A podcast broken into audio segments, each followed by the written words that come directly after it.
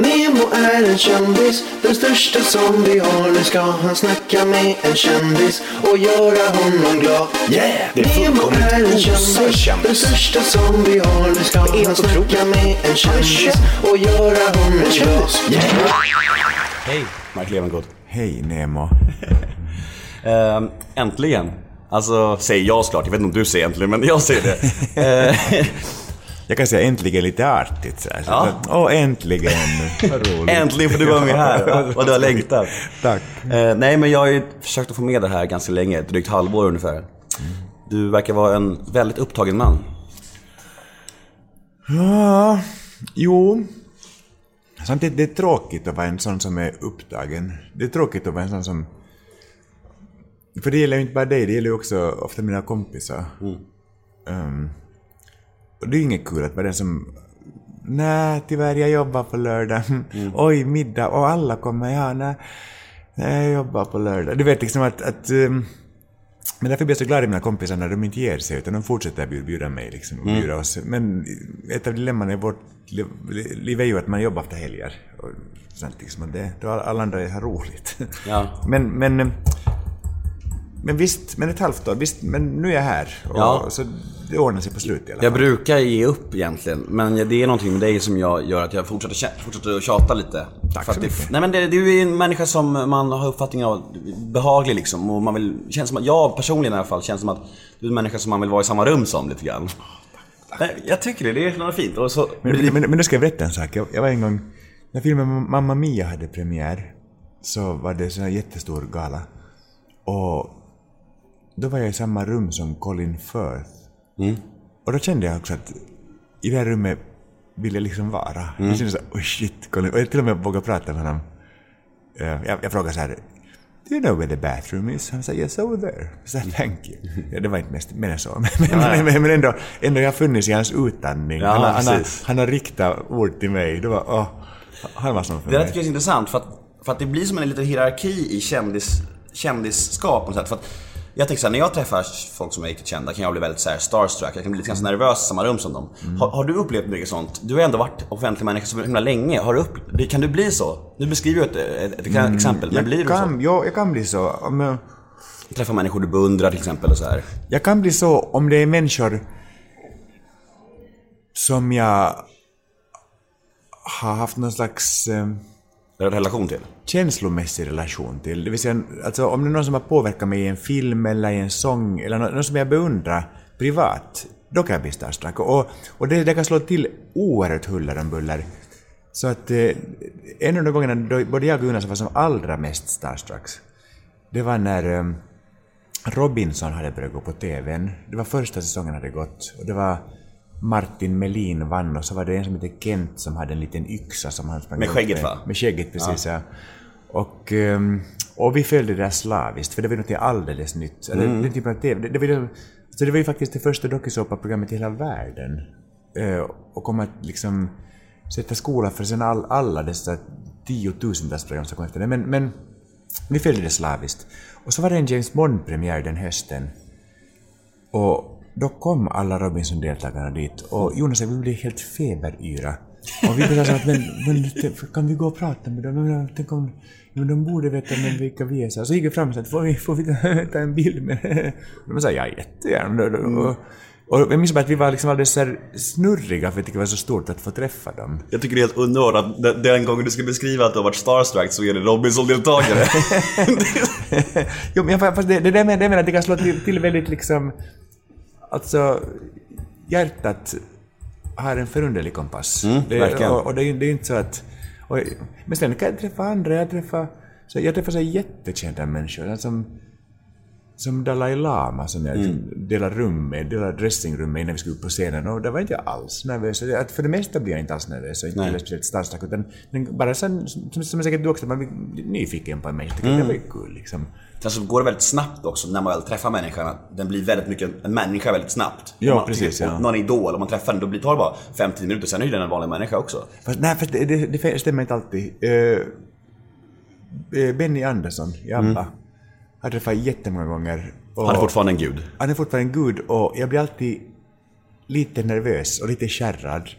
Det är fint. Och så började jag prata lite för mycket och började svara på frågor som ingen har ställt. Mm. Jag tänker så att om jag pratar jättemycket så kanske han gillar mig. Ja, men jag vet, känns lite igen det där. När man träffar människor som man ser upp till på något sätt. Man försöker så himla mycket. Man försöker aldrig på tok för mycket. Och, det, och, och han, det, jag ser liksom, man tänker så här nu har killen glömt att ta sin medicin. Ja, ja, ja. ja, ja man bla, bla, bla. Problemet är att man blir ju, alltså om man är skön från början så blir man ganska oskön när man försöker så mycket. Oerhört oskön. Det är det Man, man blir, man blir skit. Och sen efter så bara, vad fan höll jag på Ja, och med? varför sa jag sådär? Varför gjorde jag det? Vad ska Benny Andersson tycka om mig nu? Ja, men, men.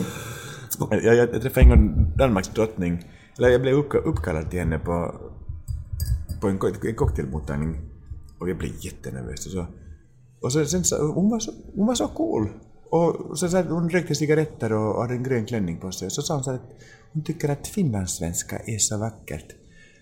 Och då blev jag så fruktansvärt dum i huvudet, skräckslaget, paralyserad, starstruck. Så jag sa, och, och danska är också jättevackert. Jag sa, va? Varför, varför säger man sånt? För att man, för att man är skärrad antar Ja, jag. det är väl det. Man, man, man, blir så galopperande dum i huvudet. Vi sitter på Café String på Söder, ett stenkast hemifrån. Ehm, varför är vi just på Café String? Det var din manager som bestämde det. Eh, ja, därför att det här är en av de miljöer som jag ganska ofta sitter och skriver på. Ja. Skriver i. Jag, en sån som måste komma hemifrån för att arbeta. Och jag Ja. trivs vidare på café. Eftersom... Eh, eftersom... Eh, tack snälla. Tack, tack, tack.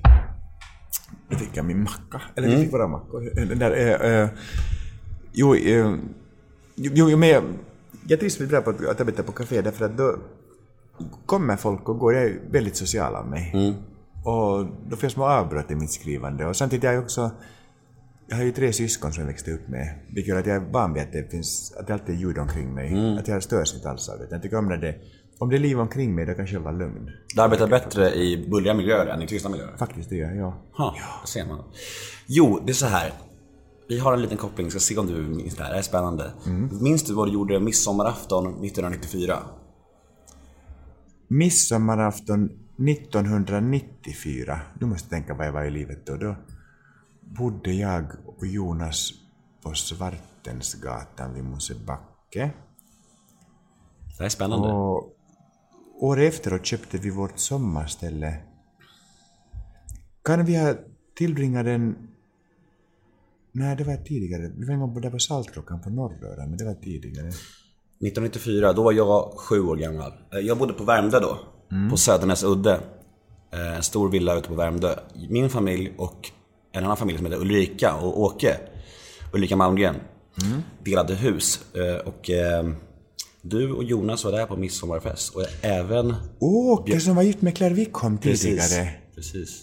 Även Björn Kjellman och Rickard Wolff var där. Ja, Det var hela scenskolan var där. precis. Jo, nu, nu minns jag faktiskt. Det, och det var ett väldigt trevligt ställe. De En stor villa ute på Värmdö med sjötomt, jättefint. Ja, Så just vi, det. vår familj och Ulrika och Åkes familj delade, vi hade en våning var i huset.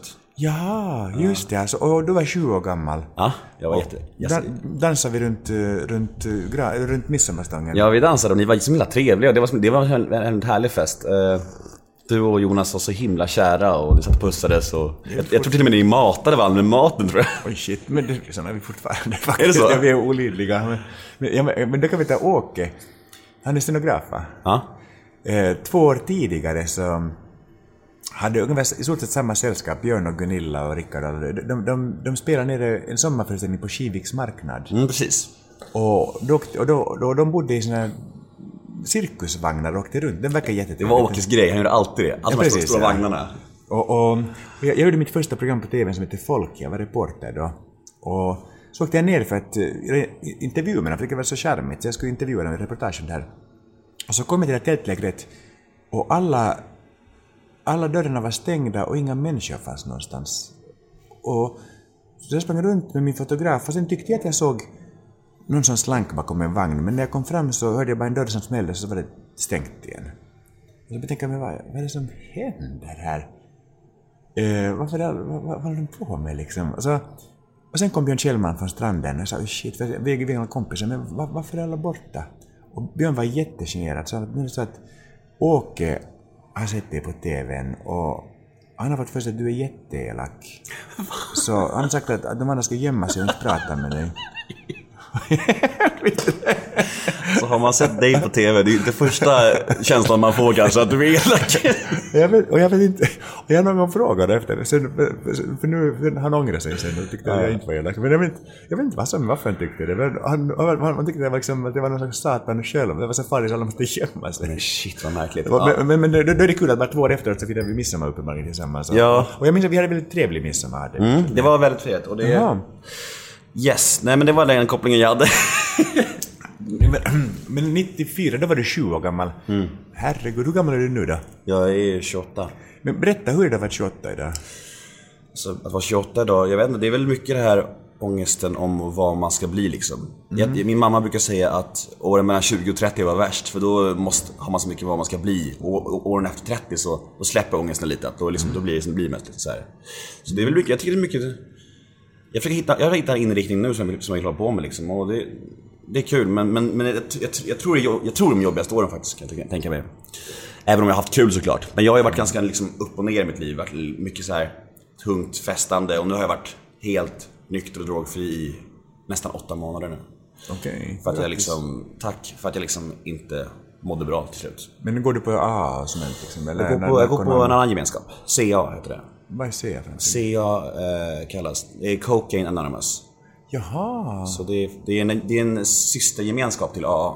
Men, och, och Narconon, vad, vad ligger de i förhållande Eh, till det, fin- det är också, alltså det är ungefär samma sak. Det är bara, det är bara olika säga. namn. Det finns Okej, NA, DA, CA, AA. Det finns liksom alla möjliga gemenskaper. Det gäller att hålla ordning. Och så var det ADHD och... Det, det, det är mycket bokstäver, det var Nej häftigt.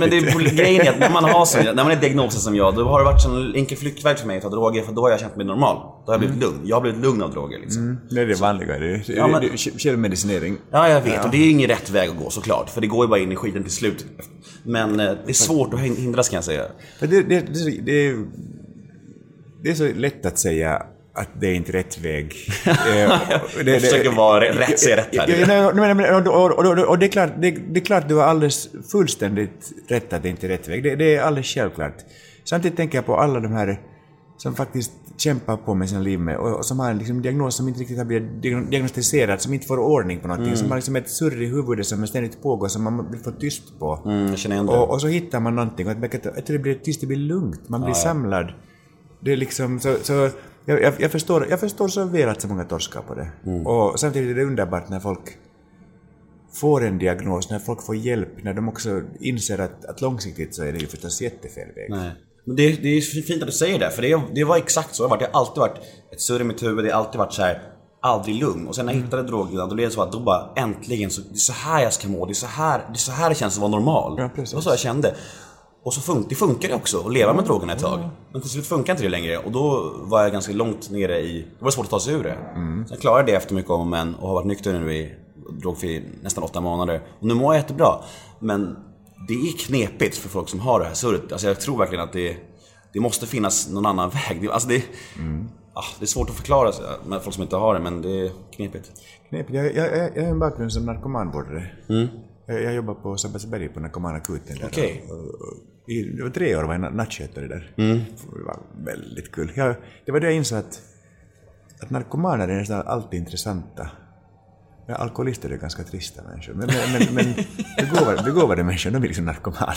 Det, det, det, det, det, är ofta de, de kreativa, de, liksom, de gränslösa. Det är så lite grann, jag märker i de här rummen i gemenskapen att de människor som har hittat en nykterhet, en stabil nykterhet, de får så extremt mycket energi till annat.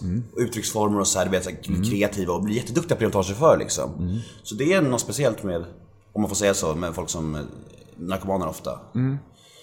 Ja i alla fall, vi går vidare. Men, Eh, men, men, men jag måste bara en koppling där. Att då, då, då när jag var på den narkomanen så, så då talar man inte om ADHD ännu. Det, alltså det, det, de här kombinationerna är ju väldigt nya. Eh, och, och, och, och jag tror att, att om man på allvar kommer igång med ADHD-forskningen och också Aspergers och liksom relaterade sjukdomar och, och sätta in åtgärder i tid så kommer vi ju att liksom lätt tömma våra fängelser. För det, det är ju liksom, där sitter de ju ofta för att de har försökt få, få sina liv att gå ihop med svårare och svårare ekvationer. Du, du, du hade tur som lyckades bryta en väldigt negativ spiral. De hade, de hade inte tur, de sitter där liksom. Att det, Precis. Så, att, så, så, så, så det, det är bra tider vi lever i för, för, för sådana som har ADHD. Ja, absolut. Så är det. Och det är jag extremt tacksam att jag tog mig ur. Det är, det är fan ingen självklarhet. Det är många som, det är många som knackar ihjäl sig där ute, tyvärr. Eh, jo, jag tänker att du har ju varit offentlig människa så pass länge. Vilken fråga är du mest trött på och vilka ämnen? Så vi skippar det helt enkelt. Vi, vi kan skriva frågan, är du sådär snäll? Frågan är nej. Eh, och, och, jag har aldrig sagt att jag är snäll. Eller, För, för, jag, är- jag är inte heller elak, det är inte alls på det viset. Däremot är jag, jag är en bestämd människa. Jag, jag vet vad jag vill, jag vet hur jag vill ha det. Och folk får gärna argumentera för andra saker och då lyssnar jag på det. Men, men, men det är inte som, det är inte, ibland blir jag behandlad som någon slags kossa som man kan fösa runt. Och nej, det finns, det går inte, finns inte på kartan för min del. Men, men, så det kan vi skippa. Um, sen vad andra frågor vi kan skippa? Ja, men kör på du bara. Jag, jag är ganska, tycker det, tycker det är kul. Eh, när kom du ut? Jag kom ut när jag var 16 år gammal i Finland. Var inte det väldigt knepigt att komma ut i Finland som 16-åring? Vet du, vi tänkte inte i sådana termer alls. Eh, nu i backspegeln så kan man tänka att det var knepigt, man kan tänka att det var ganska sinnessjukt, man kan tänka att det var naivt och allt det är rätt. Och ändå så har jag aldrig ångrat det. Aldrig, aldrig. Det var... mm, Jag hade träffat min, jag hade träffat min första pojkvän som heter Juha. Han, jag var 16, han var 17. Och, ehm, och jag blev så sinnessjukt rubbat kär. Alltså verkligen så här, det var så här, alltså verkligen så här kvittrigt galen kär. Riktig kärlek, alltså, ny, ny kärlek, det är ju Ja, sinnessjuka. som en slägga slår till liksom. Och plötsligt så var ingenting längre som det brukar vara, utan allt var annorlunda. Och då tänkte jag någonting som känns så fruktansvärt bra ehm, kan inte vara fel. Nej. Och då kom vi helt enkelt ut. Vi sa till, först till mina föräldrar, sen till mina kompisar, nu är, vi ihop för vi älskar varandra. Och, eh, och alla var hemskt förvirrade. För, och grejen var att vi, vi hade, vi hade, jag hade aldrig träffat någon annan bög i Finland. Så, vi, jag, nu visste jag väl att det fanns någon, men jag hade bara aldrig sett någon av dem.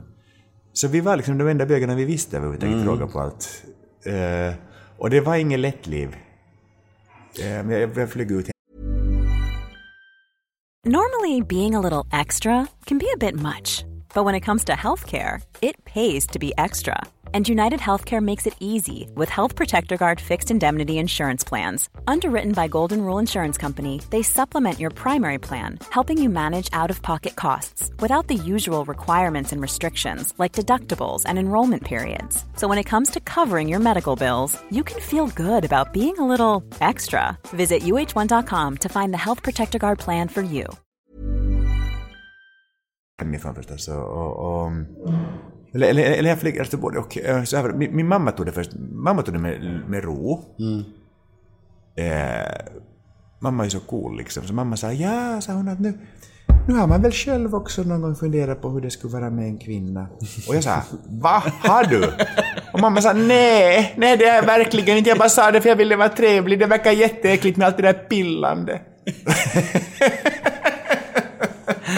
Ja, Jesus. men, men, men min styvpappa hade flugit i taket. Och det blev, det blev, det blev en, en brytning. Vi, vi umgicks inte på tio år, vilket var väldigt tråkigt.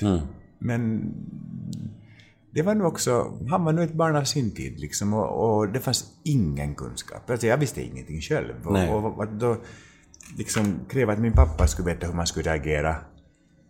Eh, och mina vänner, de sa så här, jo men nu har du missförstått, sa de, du ska bli ihop med en kvinna. Och jag sa, nej men nu, så pass normalbegåvad är jag att denna sak har jag då begripit. Men nu är det så att jag blir kär i denna pojke. Så nu är jag ihop med honom istället. Och sen var det inte så mycket mer med det. det var, mina kom, jag förlorade inga kompisar, inte en enda. Men 16, jag tänker 16 år, det är ändå väldigt tidigt. Har du, har du legat med någon kvinna? Ja. Vilka frågor du ställer. Äh, förlåt, jag, tänkte att jag vågar. Sen om du inte vill svara får du säga nej bara. Men jag, Har du legat med en kvinna någon gång? det har jag. Var det kul? Uh, ibland. om det är pri- privat, säg bara till. Förlåt i alla fall. Nej, det, var, det var kul med någon som går på, tycker jag. Det är roligt. Eh, eh, Men, eh, att, att, jag måste säga om mina kompisar nu, det att, att eh, att, eh, att, att, de var, de, de, vi lever som sagt i, en tid av totalt mörker i de här frågorna. Och alla ställde upp. Och ingen var på något vis oschysst eller otrevlig eller någonting taskigt. Och till och med i efterhand var det så att min dåvarande bästa kompis Kim och min första flickvän Moni, min första och faktiskt enda flickvän Moni, vilket väl i någon mån svarar på den där frågan du ställde. Eh, eh, eh, ehm, Hur gammal var du här ungefär? Moni var, då var jag 15, 14, men jag var mellan 14 och 16 var jag ihop med Moni. Mm. Innan jag träffade Johan. Men hur som haver så, så båda blev präster. Och, eh, och de ordnade sen tillsammans Finlands första regnbågsmässa. Eh, vilket, de, så de fick ta skiten egentligen, för jag fick inte så mycket skit. Men för därför att Moni fick inte arbeta sen, hon, hon blev helt brännmärkt och fick inte arbeta på över tio år för att hon var med i det här regnbågsmässosammanhanget. Så de fick liksom betala, betala för kalaset. Eh, men, men jag måste säga att jag jag gick igenom... Alltså det, det var klart att folk tyckte att vi var konstiga. Alltså folk, så- nya människor och så. Och inte blev vi nu alltid bjudna på alla fester. För, för, och det, och det, och, men, men vi blev inte bjudna därför att, att folk blev osäkra. Folk började tänka så här, men vadå, om det blir dans så är vi ju ojämna par. Ja. Alltså det, det var liksom inga sociala konventioner för det skulle vara. Och det gjorde att vi kanske ibland var lite, lite ensamma. Liksom. Men, men vi, fyra år höll vi ihop. Och hade fyra oerhört lyckliga och viktiga och på många sätt vidriga år. För vi, var, vi, var, ju- vi hade ju inga pengar. Vi bodde i en fallfärdig gammal lada mitt på åkern. Och kämpade med så här enorma sädesråttor som bodde där. Och, och vi åt bara kål, kål, kål, kål, kålsoppa, kål, stuvad kål, kål, kål, kål, kål, kål. Så vi var anemiska och hungriga och frusna men oerhört lyckliga. Mm, det, är som, det är som en saga, det är som en film. Ja, faktiskt. Det, är, kanske, det, det kanske blir en film Nästa bok kanske? Ja, precis. Ja, ja. Du får äta mackan om du vill alltså. Det är helt okej. Nej, men jag ändå till, det var till dig. tänkte jag. Okej, ja, ja, jag, jag äter den efter intervjun. jo, jag, tänk, jag, läste, jag läste en undersökning någonstans om att du är den som flest svenskar vill ha som julvärd. Och jag tänker så här, du är alltså du blir väldigt så här, Mark här, trevlig, helylle. Som du sa själv det här, att alla har bilden så här, väldigt supersnäll och mysig och härlig och så här. Kan det någonsin bli tröttsamt att det bara är så här helylle fint? Eller är det bara härligt att folk tycker så? Jag tycker inte att det blir tröttsamt. Nej, det, det, det skulle vara att konstruera ett problem. Eh, sanningen är den att när jag går ner längs gatan så möter jag enormt mycket kärlek. Mm, kan tänka mig. Och detta dagen lång. Och Varje dag. varje dag, varje vecka. Eh, och så har det varit, så har det varit ända sedan jag var 20. liksom. Vilket- liv. Eh, ja, det, och, och, och det finns, och det är klart att det är oerhört trevligt. Sen kommer jag kanske till en punkt under dagen där jag faktiskt inte det för svårt att fokusera för det är så mycket folk som vill snacka. Så, Men då är jag alltid på mig en huva av något slag. Så då är jag på huvan.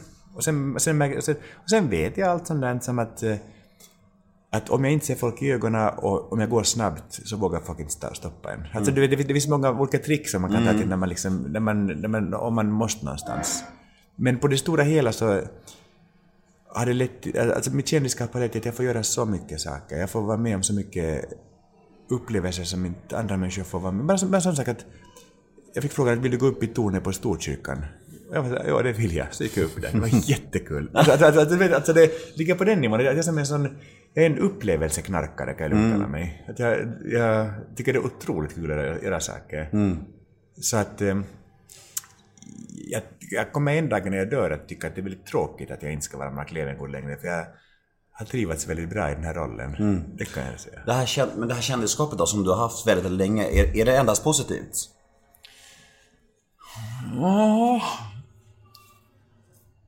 Det är absolut till, till mesta delen positivt. 95%? 85 procent. 85%. Ehm, jo, men det skulle jag säga. Men när folk springer fram till dig på gatan och jag vill ta en selfie med Mark. De- De får gärna ta selfie med mig. Jag, jag ler och ler och ler och ler. Eh, eh, jo, men du vet... Alltså folk, brukar, jag, folk frågar ofta om det är jobbigt att vara kändis. Jag, jag har ju jag var sjukvårdsbiträde tidigare, så narkomanvårdare. Och den hemska sanningen är att nu var det hemskt mycket jobbigare att vara sjukvårdsbiträde. Du vet. Det, var, det, var, det, var, det, Kan jag tänka mig. det var hemskt mycket mindre pengar. Ta hand om sådana som mig varje dag. Nej, jag jobbar på långvården i och för sig, så alltså, förstår inte det. ännu, inte ännu. Nej, nej. Men, men, men nej, nej, alltså, det negativa är väl just det att du ibland lite, lite som jag, jag fick för mig att jag skulle åka Finlandsbåt häromdagen, alltså till Åbo. Och så fort jag gick ombord på båten så blev det liksom ett stort vrål. Det är fan i mig leven god liksom så här, och in i hytten och så kommer, så kan, så kommer man inte ut förrän man är i hamn liksom. Nej, nej, det, för fan. Att, att, att det går inte att vara i miljöer där folk är fulla eller där folk är liksom väldigt partyglada för då, då blir man ihjälkrammad. Men det är nu den lilla uppoffringen på det altaret, annars är det nog bara... Frid och fröjd. Ja, faktiskt, jag tänker så. Man ska inte klaga om man är känd. Det, det finns folk som har det värre om man säger så. Ja, det finns folk som har det värre. Det, det just folk som, folk som gör program och sen klagar de över att uppmärksamhet. Jag tycker, men har, har du inte valt fel bransch i så Ja, ja visst. Jag tycker alltid det är konstigt med folk som är kända som klagar på sitt kändisskap. Att "Åh, det är jobbigt att vara känd. Man, det är ingen som faktiskt som tvingar dig att, att, att bli känd liksom. Jag minns då, då när jag, jag började på TV när jag var så hemskt ung också, men jag minns att jag... Fanns en, när jag var ungefär din, din ålder, skulle fylla 30, så då minns jag att, att jag tyckte att det som var tråkigt var att, att folk ofta blev nervösa när de träffade mig. Och så tänkte jag att, det, för det vill jag faktiskt inte. Det, det är inte så att jag går runt och lallar ett helt liv för att folk ska stå och skaka i en signeringskö liksom när de vill komma upp till mig. Nej. Ehm, för det, det blir ju... För om jag märker att någon blir blyg eller kärrad så det, det blir jag ju också blyg. Eller också blir jag så här, jag tänker, men vad är det den här människan tror ska hända nu då? Vad, vad, är- vad är det för förhoppningar eller längtan eller drömmar hon har? Jag- inte kommer jag ju att kunna infria någonting för kön är liksom 15 meter bakom mig, folk som också ska få signera. du vet liksom att det blir... Men, men sen, småningom har jag lärt mig det där att folk lugnar sig ganska snabbt och sen så sen är det bara att köra. Jag skulle precis säga det. Jag, jag var nervös ungefär en minut också. Var du? Ja, lite. Jag, menar, jag är ganska alltid nervös med nya gäster. Men det går över väldigt snabbt. Alltså, man- Jag känner att man blir, det går så snabbt tills, som jag sa förut, när man träffar offentliga människor, det går så snabbt tills man blir människor och människor istället för kändis och människa. Det precis, ja. Och det är ju skönt, för det är... Ja, annars hade det varit jobbigt om man satt och var nervös hela intervjun liksom. Det skulle vara det. Vi ska prata lite om relationer. Jag själv firade precis två år med min flickvän. Du har varit ihop med Jonas i, vad är det, 28 år, 29 år? 29 år. 29 år. Alltså, hur får man det att funka i 29 år? Vad är nyckeln tror du? Ja, har ni barnen nu? Nej. Nej. ehm. då ska vi se hur man får det att funka. För det första så måste ni våga bjuda in varandra i era liv. Um, också saker som är smärtsamma och svåra måste ni bjuda in varandra i. Ehm, ni ska bråka, men ni ska ni ska alltid försona er. Och om, om ni kan så ska ni försöka försona er innan, innan ni somnar. För att eh, bråk växer på något sätt under natten. Utan sover, man sover mycket sämre. Eh, man ska säga förlåt. Till och med när man inte menar det. Det där är så intressant, för någon, någon sa till mig så här att i relationer, det är det enda gången det är bra att förlora. Att, liksom, man, man, att bara säga så här, men liksom att man ger upp, ja men nej, du har rätt, för att, det ska liksom förhålla sig bra liksom. Precis ja, precis ja. ja. men du, har rätt, ett, en, ett rödljus är bara ett förslag. Mm. Ja. Jag tycker att det, det, finns, det finns verkligen en poäng där alltså. Ja, ja, jag ber om ursäkt för att jag tycker att alla trafikregler ska vi hålla oss till. Det, det, det, men men- det, det är sant, alltså man... Kortsiktiga förluster mot en långsiktig vinst. Verkligen. Men, men, eh, men sen också det som är jätteviktigt, det är att ni aldrig försöker hålla tillbaka varandra i er utveckling. Nej. För att eh, under ett långt liv tillsammans så utvecklas man och inte nödvändigtvis åt samma håll. Men däremot så ska man bjuda med varandra på resan. Men eh, så vi har alltid varit väldigt bejakande mot varandra. Eh, Så att okej, men om det är vad du vill så då försöker vi fixa det. Då, och visst, det blir problem om, om du ska vara i en säsong i Göteborg till exempel. Det är klart det blir problem, men det är problem som vi kan fixa. Du vet, att, att, att, då gör vi så liksom. Att, att vi inte att vi inte säger nej men nej, det går, nej, det går verkligen. Inget sånt liksom. Utan, utan att tillåta varandra att utvecklas. Och sen tror jag ju att man ska gå... Sen tror jag att tid är en sån viktig sak. Att ge var, alltså, um, ha en vardag tillsammans. Eh, Och framförallt när ni skaffar barn, glöm allt förbannat tjafs om någon slags kvalitetstid. Det är det dummaste och mest korkade. Du, vet, barnen är liksom inte informerade om att det är kvalitetstid, utan de är bara som, som frågetecken när, när du någon en enstaka gång visar det i familjen. Det, det, det så, här, eh, så att eh, tid, tid, tid. Ha en vardag tillsammans, gör mat, eh, ät mat, diska efteråt. Hitta, hitta rutinen ni trivs med, liksom. då kommer det gå bra. Har det, varit, har det någon gång varit nära att ta, ta slut mellan dig Jonas? Ja, Ni, har bråk, ni har varit hårda, hårda bråk? Ja, det, det, var, det, var, men det, var, det var när vi hade vår sjuårskris. Eh, som var väldigt fundamentalt. Men det, var också då så kände båda två att, att inte vill vi att det ska ta slut. Så vi bestämde så här att, att det här året, vi bråkar. Men eh, vi gör inte slut under det här året. Hur vi än bråkar så gör vi inte slut. Eh, utan då får vi göra slut nästa år istället. och det var jättebra. Det var jätte, Ja, ja, så det gjorde att vi, vi faktiskt... Sen bråkade vi färdigt och sen var Ja. allting frid och fröjd. Vad är det bästa och sämsta med Jonas? Eh,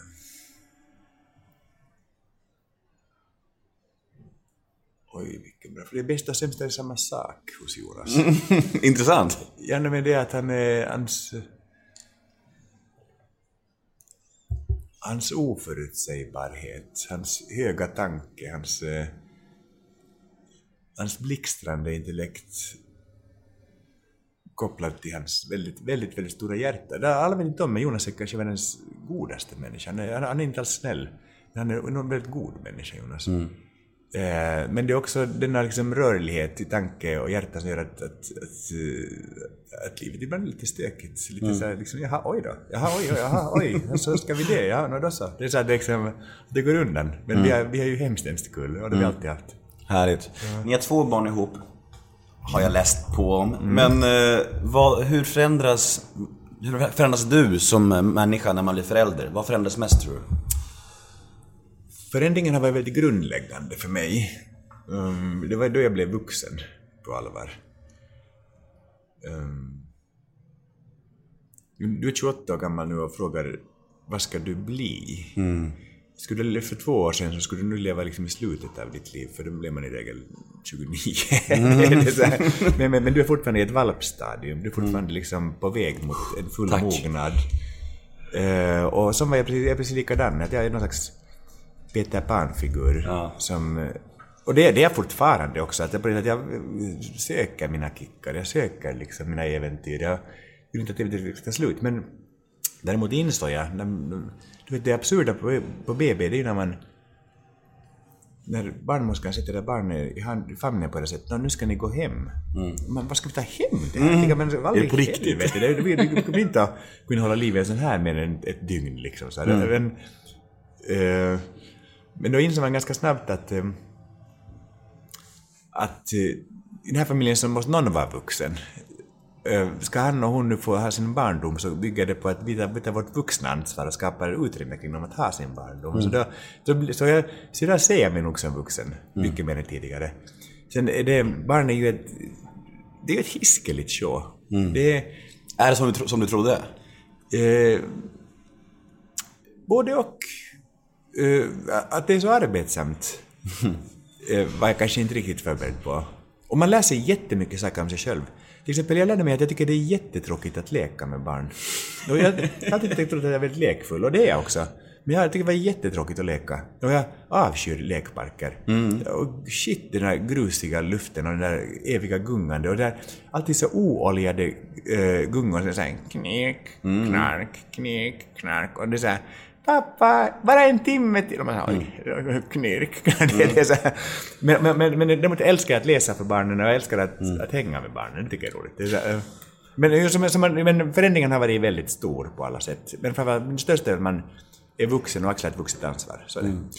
Jag har en fråga som jag tycker jag är väldigt nyfiken på, men jag vet inte om, jag vet inte, kanske en dum fråga, jag vet inte. Men har dina barn fått uppleva någonting, tror du, alltså det här med att varför har eh, du två pappor för och inte pappa och mamma? Varför tycker du det är en dum fråga? Jag vet inte, jag kanske, jag kan- kanske är fördomsfull nu, jag vet inte. Jag blev orolig. Jag tycker, Ja, det tycker jag är en bra fråga. Alltså det, men svaret är faktiskt nej. Det är... Och nu, nu bor vi i och för sig på Södermalm. Det här är väl, att ha liksom två mammor och pappor är väl liksom grundkurs i de sammanhangen. Men, men, men mina erfarenheter av vänner runt om i landet som lever i så kallade regnbågsfamiljer är precis likadan. Att de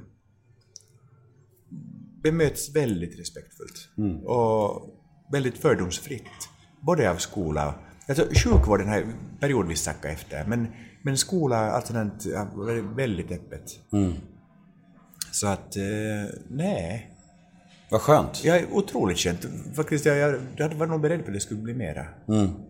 Vad glad jag blir när jag hör det. För jag tänkte att det kunde vara en del sånt, framförallt bland barn så här. Och, och om, som, som barn skulle man nog tycka det var lite jobbigt att få såna, såna frågor kanske. Ja, men vet du, barn i sig är så fördomsfria. Så att om, om, om det är så att, jo men Ansgar här, han har två mammor och två pappor, om man säger så, då, då är det så liksom.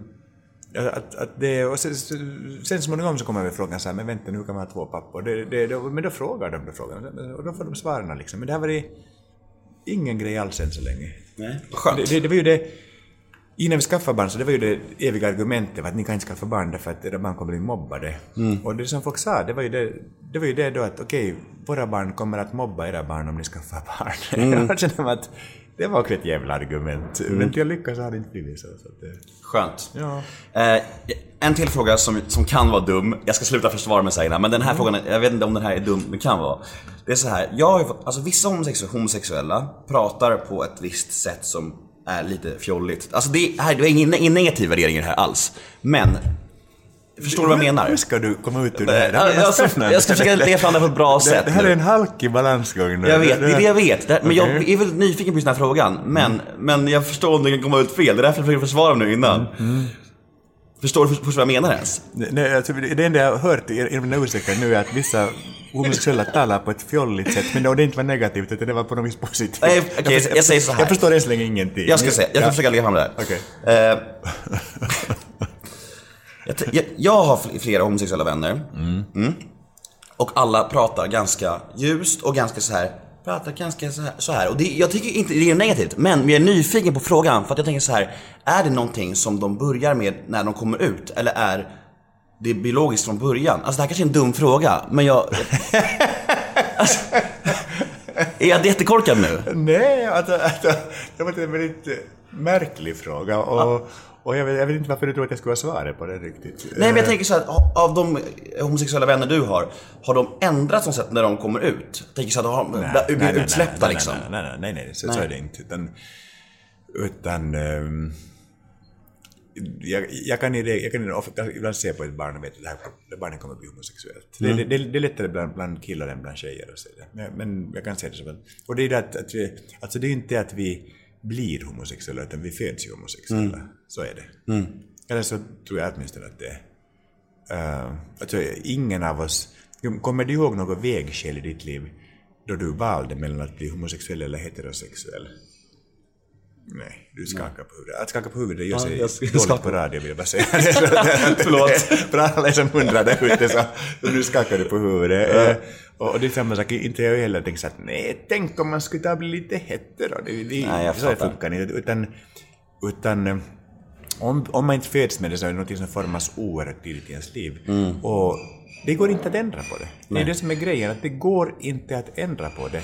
Vilket gör att eh, alla som säger att man kan bota homosexuella med förbön, de pratar bara skit. Mm. Eh, dessutom, dessutom, för mig är det väldigt hediskt att säga så, eftersom de menar då att de har rätt att ge sig på Guds skapelse och ändra det som Gud har skapat. Om, om jag är skapad homosexuell så måste Gud ha en mening med det.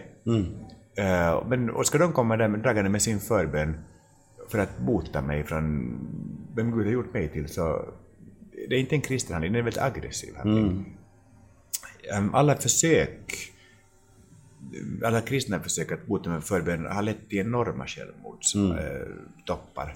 Eh, det, var, det, finns inte, det, det, det var någon idiot som åkte runt som ett levande exempel på att man kan bli botad från man ska säga, han höll föreläsningar om det, men han han tog också livet av sig för några, år sedan. Eh, så det är liksom, det är klart det slutar så. Man, man, man får aldrig gå in i maskinrummet på en människa och börja, börja rota, då går det åt helvete. Liksom. Men, eh, så jag tror att om man då talar ljust och fjolligt som orden För, alltså, jag, förlåt, jag känner mig helt dum alltså.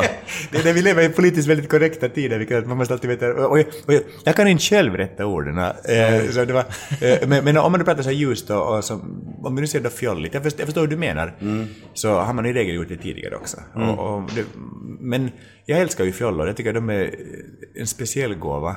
För de är liksom... Och de är Jag också, med, jag gillar- och, och, och, och, och, de är också de mest utsatta. Och det, Ja. Det, det, att det är också de som faktiskt, eh, till och med i byggkretsarna, är mest föraktade. Mm. Det, det är liksom... Så här, om man ser så här kontaktannonser så det står så här fjollor undanbedes. Vilket jag tycker det ska vara, det ska vara en snyting rakt i ansiktet. Det så jävla Mm. oförskämt skrivet.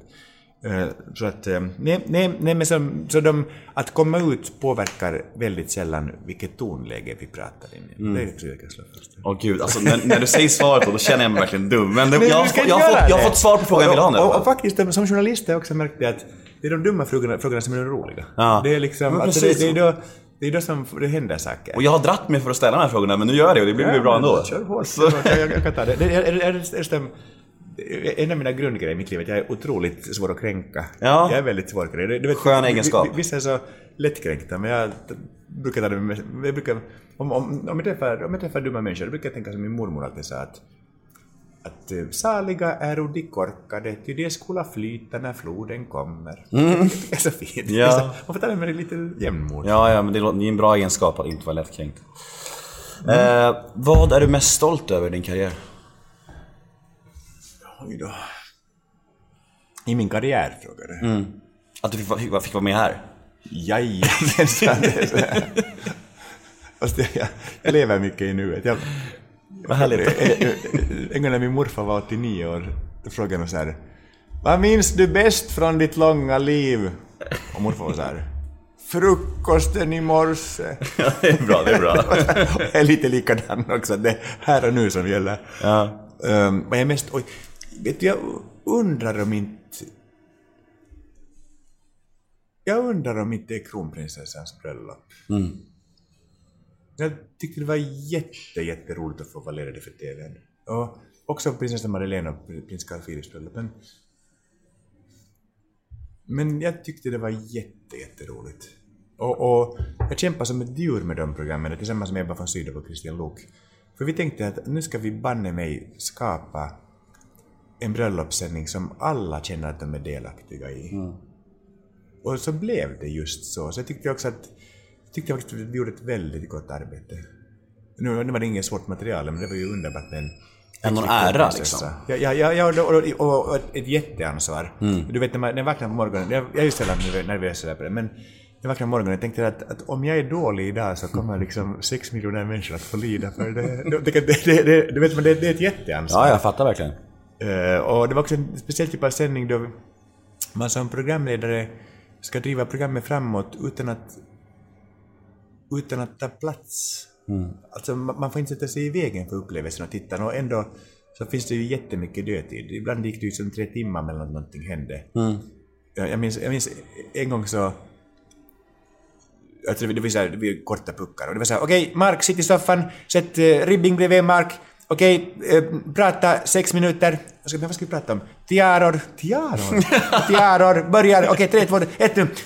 Hej, Magdalena Ribbing, du är expert på tiara. Du vet, när man inte, när man, jag vet inte en skit om någon tiara. Jag, jag har inte träffat en tiara hela mitt liv. Så började jag prata om tiaror och Ribbing är ett sånt ärkeproffs. Och oerhört kul, kul, kul att jobba med. Och, och, vi och det var så spännande med det tiarorna. Det var otroligt roligt. Och vi pratade och pratade och berättade och berättade. Och så tänkte jag, ett, ett tag tänkte jag det här måste gått sex minuter, men, men vi fortsatte ändå prata. Och sen fick jag höra en snäcka såhär, okej, ge över Kungens stall. Och nu över till slottet och Kungens stall och såhär. Så frågade jag, hur länge talade om tiarorna? Jo, det är 36 minuter. Åh Så över en jävlar. halvtimme. Du vet, att det var, det var en fullständigt livsfarlig sändning för att, för att vi liksom... Men ändå skönt. Du fick, så här, du fick ett test om du var ett proffs och så var du verkligen. Du lyckades ju med Ja, det. ja, och, och, och ribbing är ett Ja, ja. proffs. Så, så det, men, men, det var, jo, men det var, det var nog ett test på allas proffset. Så jag, jag tror nog att de sändningarna är, är jag jätte, jättestolt över. Eh, sen var det ju hemskt kul att göra Mel- Melodifestivalen. Alltså, Det skulle du gärna göra igen va? Inte självklart. Nej. Eh, att göra saker igen, Ja, Det är, lätt- det är kanske lite knepigt det där. Man ska förhålla sig till det. det har nog aldrig varit min sak riktigt. Nej. Och sen tror jag, tycker jag väl också att Melodifestivalen är ett sånt program som, där det ska vara nya programledare varje år. För man, man liksom har någon ny att tycka illa om.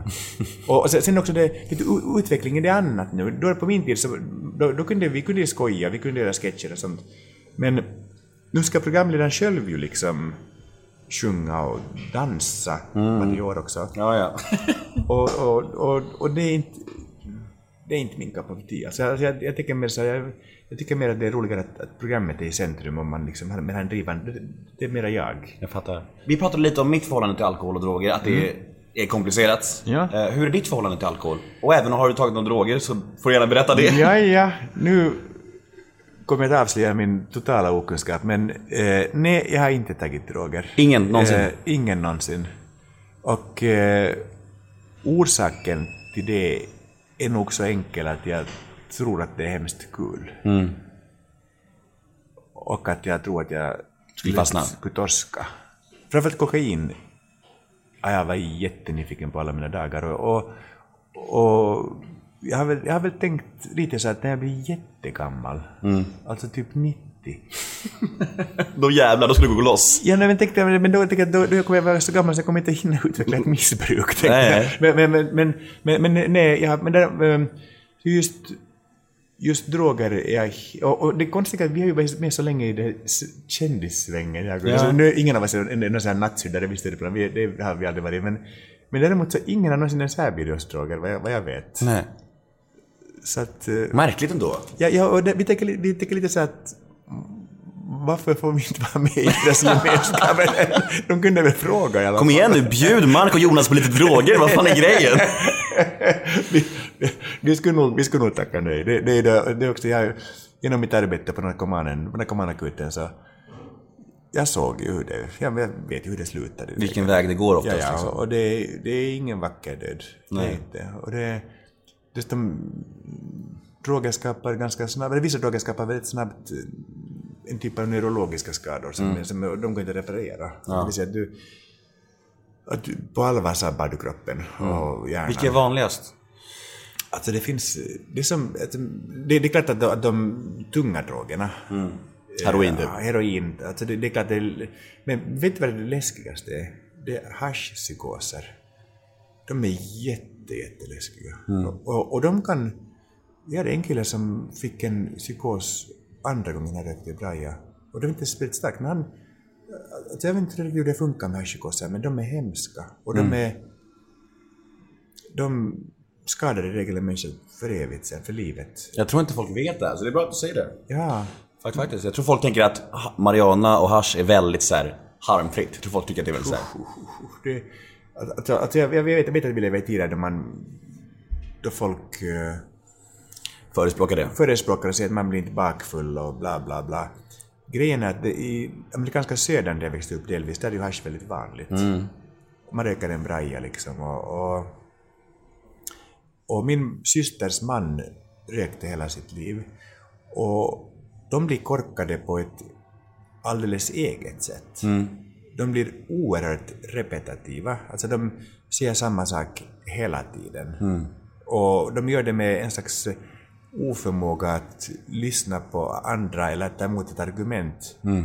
Och bara säga hej, hej, Fan vad, ocharm, fan vad ocharmigt. och enormt ocharmigt. Och, och, det, är ju hjärnskada förstås. Men, men det var också, jag, jag såg ett, det var ett legaliserat marijuana-tåg i New York när jag var där en gång.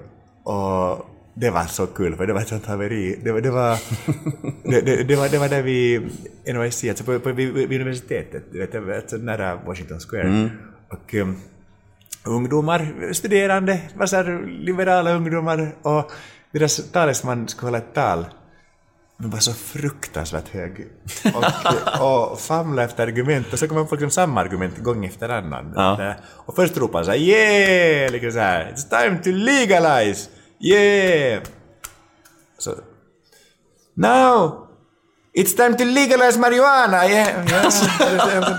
Du sa det just, du vet. Och, och, och till sist var jag faktiskt ropa boo och få, få, få ner dem. Det var så, det var så Sämsta talet någonsin. man känner så att, att, eh, men, men sen jag vet- att, att folk säger att det i medicinskt brukar hjälpa till exempel MS-sjuka och där har, där har jag ingen åsikt. Men eh, jag, min erfarenhet säger att marijuana ofta är inkörsporten Mm. mot, mot tyngre droger för väldigt många människor. Och så jag är inte alls för ett liberaliserande. Jag tycker det. Sen eh, alkohol tycker jag är kul. Är så men eh, jag har inga problem med alkohol. Mm. Nej. Liksom, eh, och, och jag tror också att jag kommer från en släkt som har väldigt mycket alkoholister. Och mycket, Mm, så liksom, du är försiktig? och så jag, jag är född försiktig. Mm. För jag vet att banne mig, det, det ska jag inte torska på. Nej. Alkoholist är jävligt sunkigt. Ja. De är hellre narkoman. Nej, jag, jag, jag säger inte riktigt så, men... men Jo, jo. Jag, jag, vill, jag vill inte bli alkoholist, det skulle jag tycka var oerhört ledsamt. Jag fattar. Och, så att, ja. Andra, andra säsongen av Tro, hopp och kärlek börjar snart. Ja.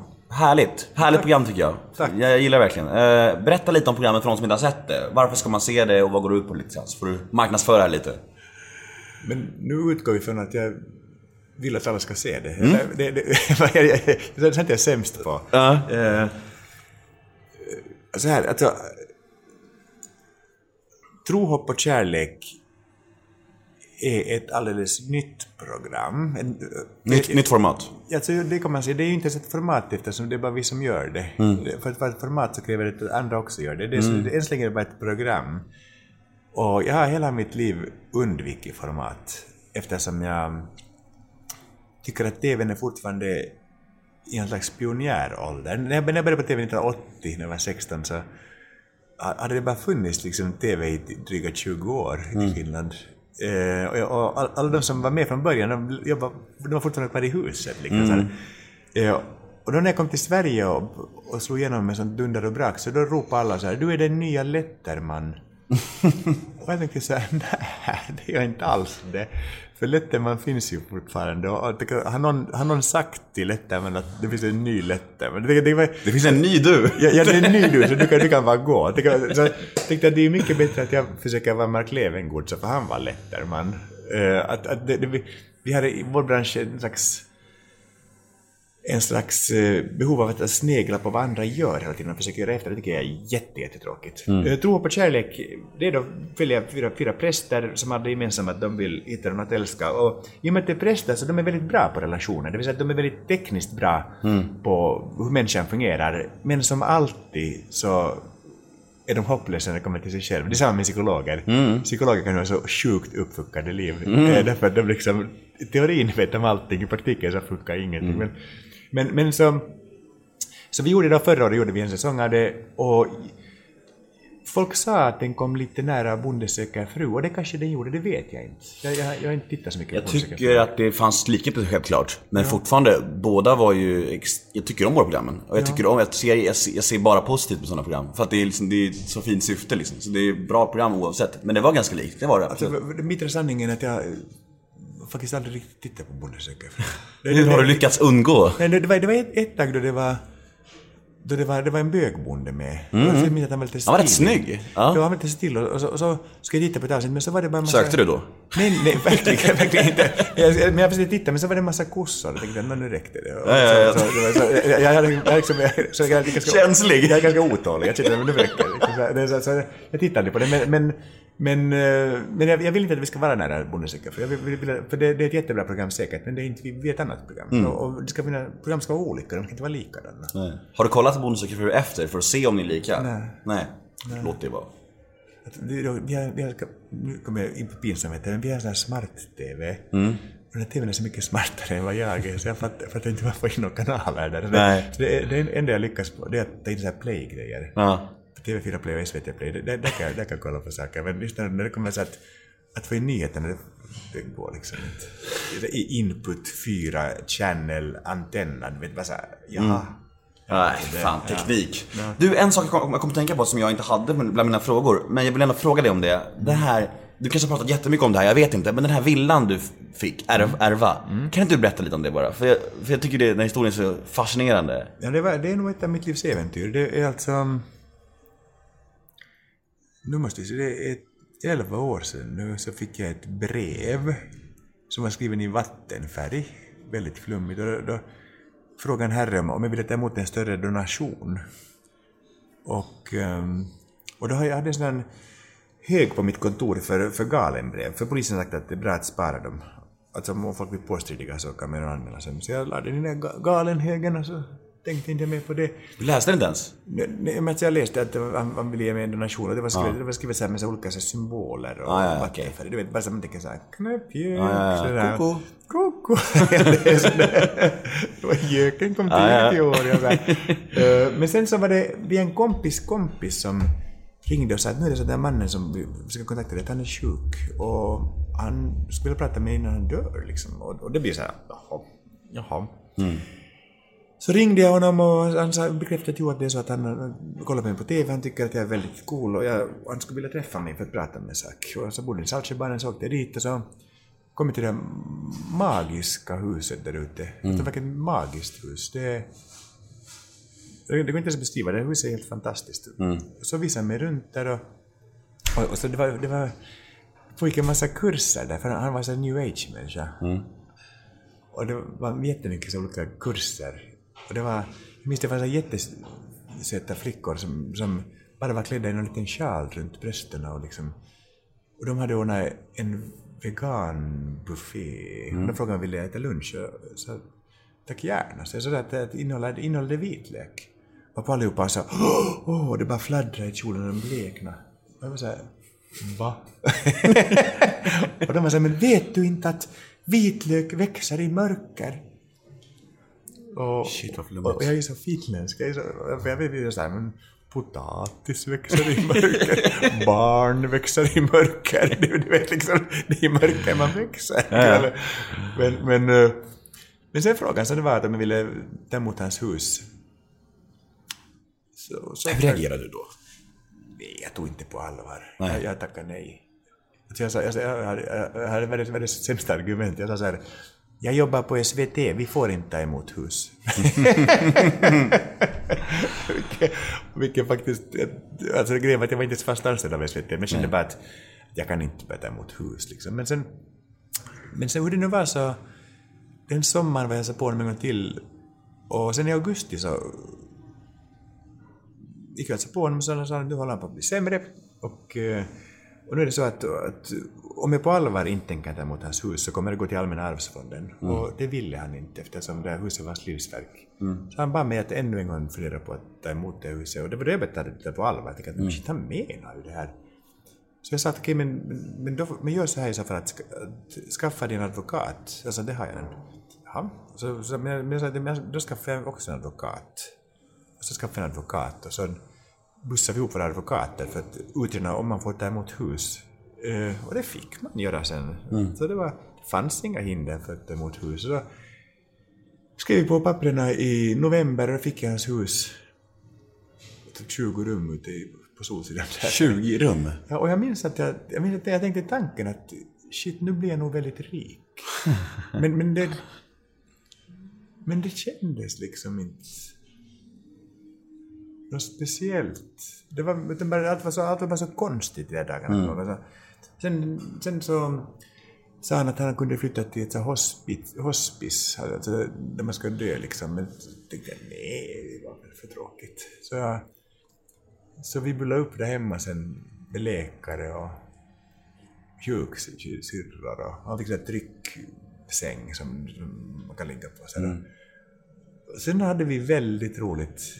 Han, han, han var vid medvetande och faktiskt vi, de parerade smärtan oerhört effektivt på honom. Så, så vi ännu två dagar innan han dog så sprang han ute i trädgården i nattsärken och han, han skulle mata någon fågel tror jag. Jag, jag försökte mota in honom. Så, och vi, och han, Ja, men på, ännu på tisdagen sa han så här att, att ska vi ha så här roligt så kommer jag aldrig dö. Kommer jag Sen, sen dog han faktiskt på fredagen. Så det var liksom, men, men då fick han dö hemma och så. så men sen- Fint, jag fick dö hemma. Ja, vi har haft tio väldigt lyckliga år där. Ja. Och det har varit väldigt roligt. Fantastiskt. Det är, en, det är ju en helt sjuk historia på ditt alltså, Det har jag aldrig hört någon liknande någonsin. Har inte heller faktiskt. Du måste uppenbarligen du måste ha någonting som folk verkligen gillar om folk gör sånt. Det är, det är fantastiskt. Jag har ett segment som heter ett ord om. Det går ut på att jag säger fem stycken svenska offentliga människor och du säger det första ordet som kommer i ditt huvud. Bara ett ord. Mm, ett ord. Okej, okej. Alex Schulman. Babbel. Marcus Birro. Mörk. Sara Larsson. Eh, duktig. Jimmy Åkesson. Jättemörk. Leif GW Persson. eh, kul. Ja, det var det. Bra svarat. Mycket mörk. Mörk, mörk. Ja, ja, det... Alltså, Birro är för mig en människa som... Jag blir lite illa berörd av honom eftersom jag tycker att han verkar må så dåligt. Och det som man aldrig, aldrig, aldrig ska göra, man ska aldrig må dåligt i det offentliga. Nej. Utan, utan liksom... Alltså offentlighet kräver ett visst, en viss hård hud. Och är man då skyddslös när man mår dåligt, eh, så blir allting jättefel. Det är extremt knepigt att vara lättkränkt om man är kändis. Det är jätte, det är jätte, jätte knepigt. Och, och, och där tänker jag så att hoppas nu att hans nära och kära liksom ser till att han inte är så utsatt. Att, att, för att han, han är säkert en bra journalist. Alltså det, det har jag ingen, det ingen riktig åsikt, eller jag vet inte riktigt. Men jag tänker ibland när man ser så här väldigt huvudlösa utspel, tänker man men den här människan borde ju få hjälp. Så tänker jag. Vi ska strax börja avrunda. Eh, men två, tre frågor till. Eh, du känns ju väldigt, som vi sa tidigare, du känns ganska harmonisk och bekymmersfri. Därför jag blev nyfiken på, vad ger dig ångest i livet? När mår du som allra sämst?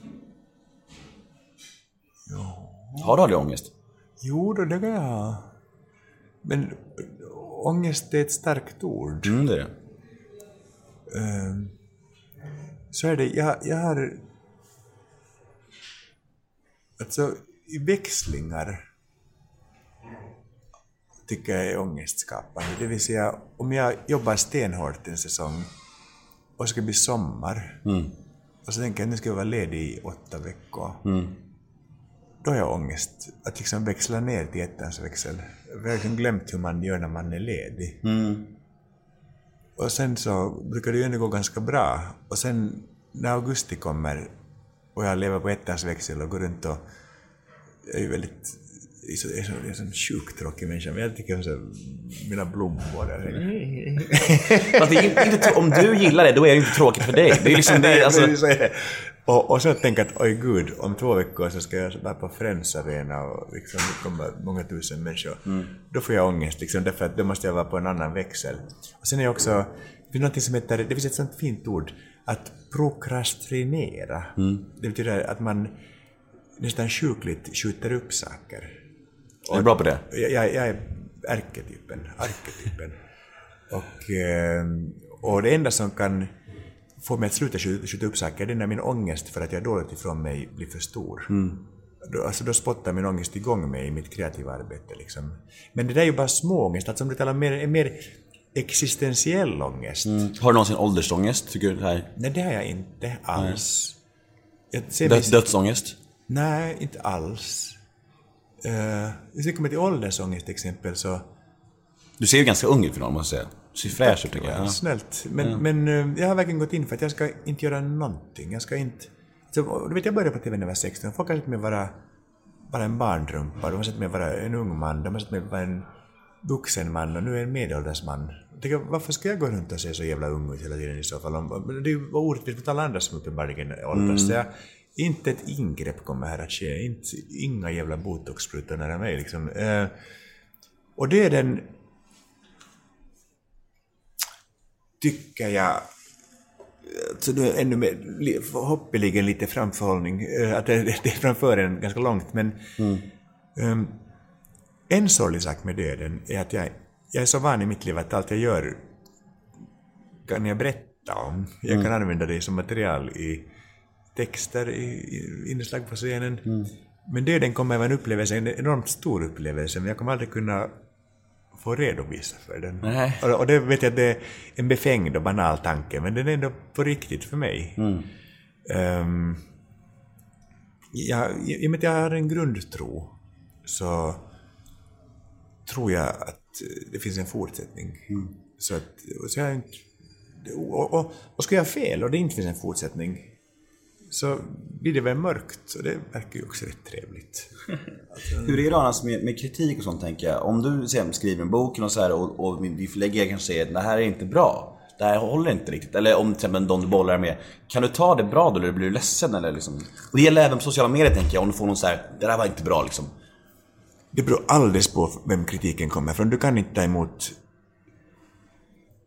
kritik från vem som helst. Nej. Det finns jättemånga människor som har superdålig smak. Mm. Det finns ett ordspråk som säger idiotens mor är alltid gravid. Det- Ja, bra. Jag hade hört det. fattas liksom inte Nej. folk som, som glappar i käften och ska berätta vad de tycker. Om min förläggare på allvar skulle läsa mitt manus och säga Mark, det här är inte bra, då skulle vi stå inför en jättekris. Mm, är det så? Vi- Ja, ja, ja. Eh, Eftersom, eftersom en bok är ju alltid ett stort projekt. Ja, Och skulle vi då ha kommit så långt ifrån varandra att jag, tycker det är bra, hon tycker det är dåligt, Mm. så är det ju skulle vara hemskt. Men nu vet jag, jag lyckas aldrig vara i ett sånt läge. Men däremot så kan hon ha 20, 30, 40 anmärkningar och saker, så, sånt liksom. Eh, om jag får kritik av folk som jag bryr mig om så blir jag ledsen.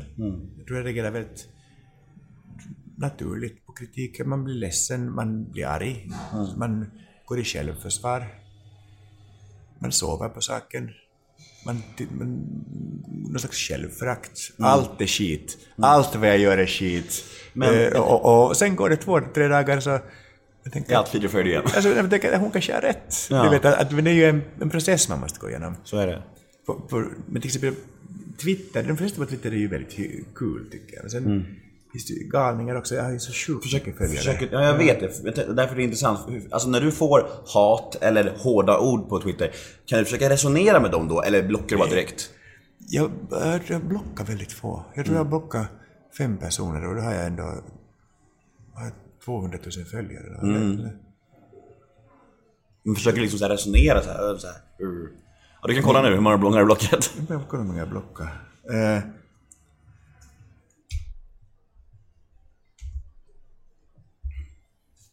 jag har 300 000 följare. 300 000! Jag har bara 6 000. Det är orättvist. Jag, för, för salt är såligt, jag har 306 000. Det är helt sjukt alltså. Du kan ta bort dina sex där. Men vad säger man om man blockar? Jag vet inte hur man säger det faktiskt. Jag tycker du borde skriva följ Nemo sen så att följare.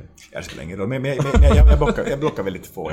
Så det, men jag, det, om, om folk är oartiga, det, det brukar jag blocka. Om de är hatiska, brukar jag låta dem vara. Det brukar jag bara skita i dem. Jag brukar aldrig gå i försvar. Det, Det är ingen idé heller. det är liksom ingen idé. Nej, det, man- det är så här... Ja. Då blir man Marcus Birro. Ja, och också det finns en sån där... Det finns så många människor som har någon slags alternativ identitet på nätet. Och de människorna mår ju uppenbarligen inte så bra. Nej, men tänk, vad är det för människa som går hem från sitt jobb och tänker haha, nu ska jag ägna kvällen åt att skriva jätteelaka Nej, jag saker. håller helt med dig. Det är ju folk som mår jätte, jättedåligt. Problem med sig själva. Ja, och man känner att jag ska nog inte hacka på dem, men jag vill inte heller, jag vill inte heller ha dem i mitt liv. Jag vill att de, de får ta tag i sina liv själva och försöka hitta, komma åt knuten och sen kan vi träffas liksom. Sen kan vi prata när de... Tycker det är helt rimligt. Sista frågan då. Eh, hur ser det ut närmsta tiden? Vad har du för drömmar och mål kvar som du vill göra liksom på rak arm? Mitt liv har alltid varit större än mina drömmar. När jag, Fint! ja, men det var, det var sant. När jag var liten jag drömde om att bli steward. Det var min dröm. Mm, du skulle passa väldigt bra i ett flygplan kan jag Jag ska, jag vara så bra! Ja. Shit vad jag ska vara bra! Så här. Chicken och fish. Ja men faktiskt, Det du slipper helt, skuren. det var jättekul. Jag älskar att flyga. Jag älskar, älskar, ofta, jag älskar kabinpersonal. SAS flygvärdinnor, åh, de Ja, är ja, ljuvliga. visst. Du känns som en flygvärd. Ja, det, faktiskt, ja. Men, men, så här, det, det var, men det var faktiskt så att, att när jag var 16 och inte ville gå i skolan längre så då ringde jag Finnair och sa att jag ville bli steward. Men då sa de att du måste vara 18. Så då tänkte jag, okej, men då jobbar jag på TV tills jag blir 18 och så... Och sen ska jag bli flygvärd. Och sen, men sen när jag var 18 då, hade, då var den så stor och så, så det var liksom... Så glömde jag bort det där, men sen läste jag en artikel, en annons där SAS sökte eh, stewarder. Och då stod det att man måste vara mellan 18 och 35 och då var jag typ 37. Aj. Jag bara såhär, helvete jag glömde, jag skulle bli, jag skulle bli steward. Du föll på håret. Det var, det var, det var precis som du sa, det var ett aj. Det var första gången i mitt liv som jag blev, hade blivit för gammal för att göra någonting. Ja, ja, visst. Så jag fortfarande, men SAS har sagt att jag kanske får, att jag kanske får åka med och vara steward på, jag får kanske pröva någon gång, jag skulle tycka det var jätte, jättekul.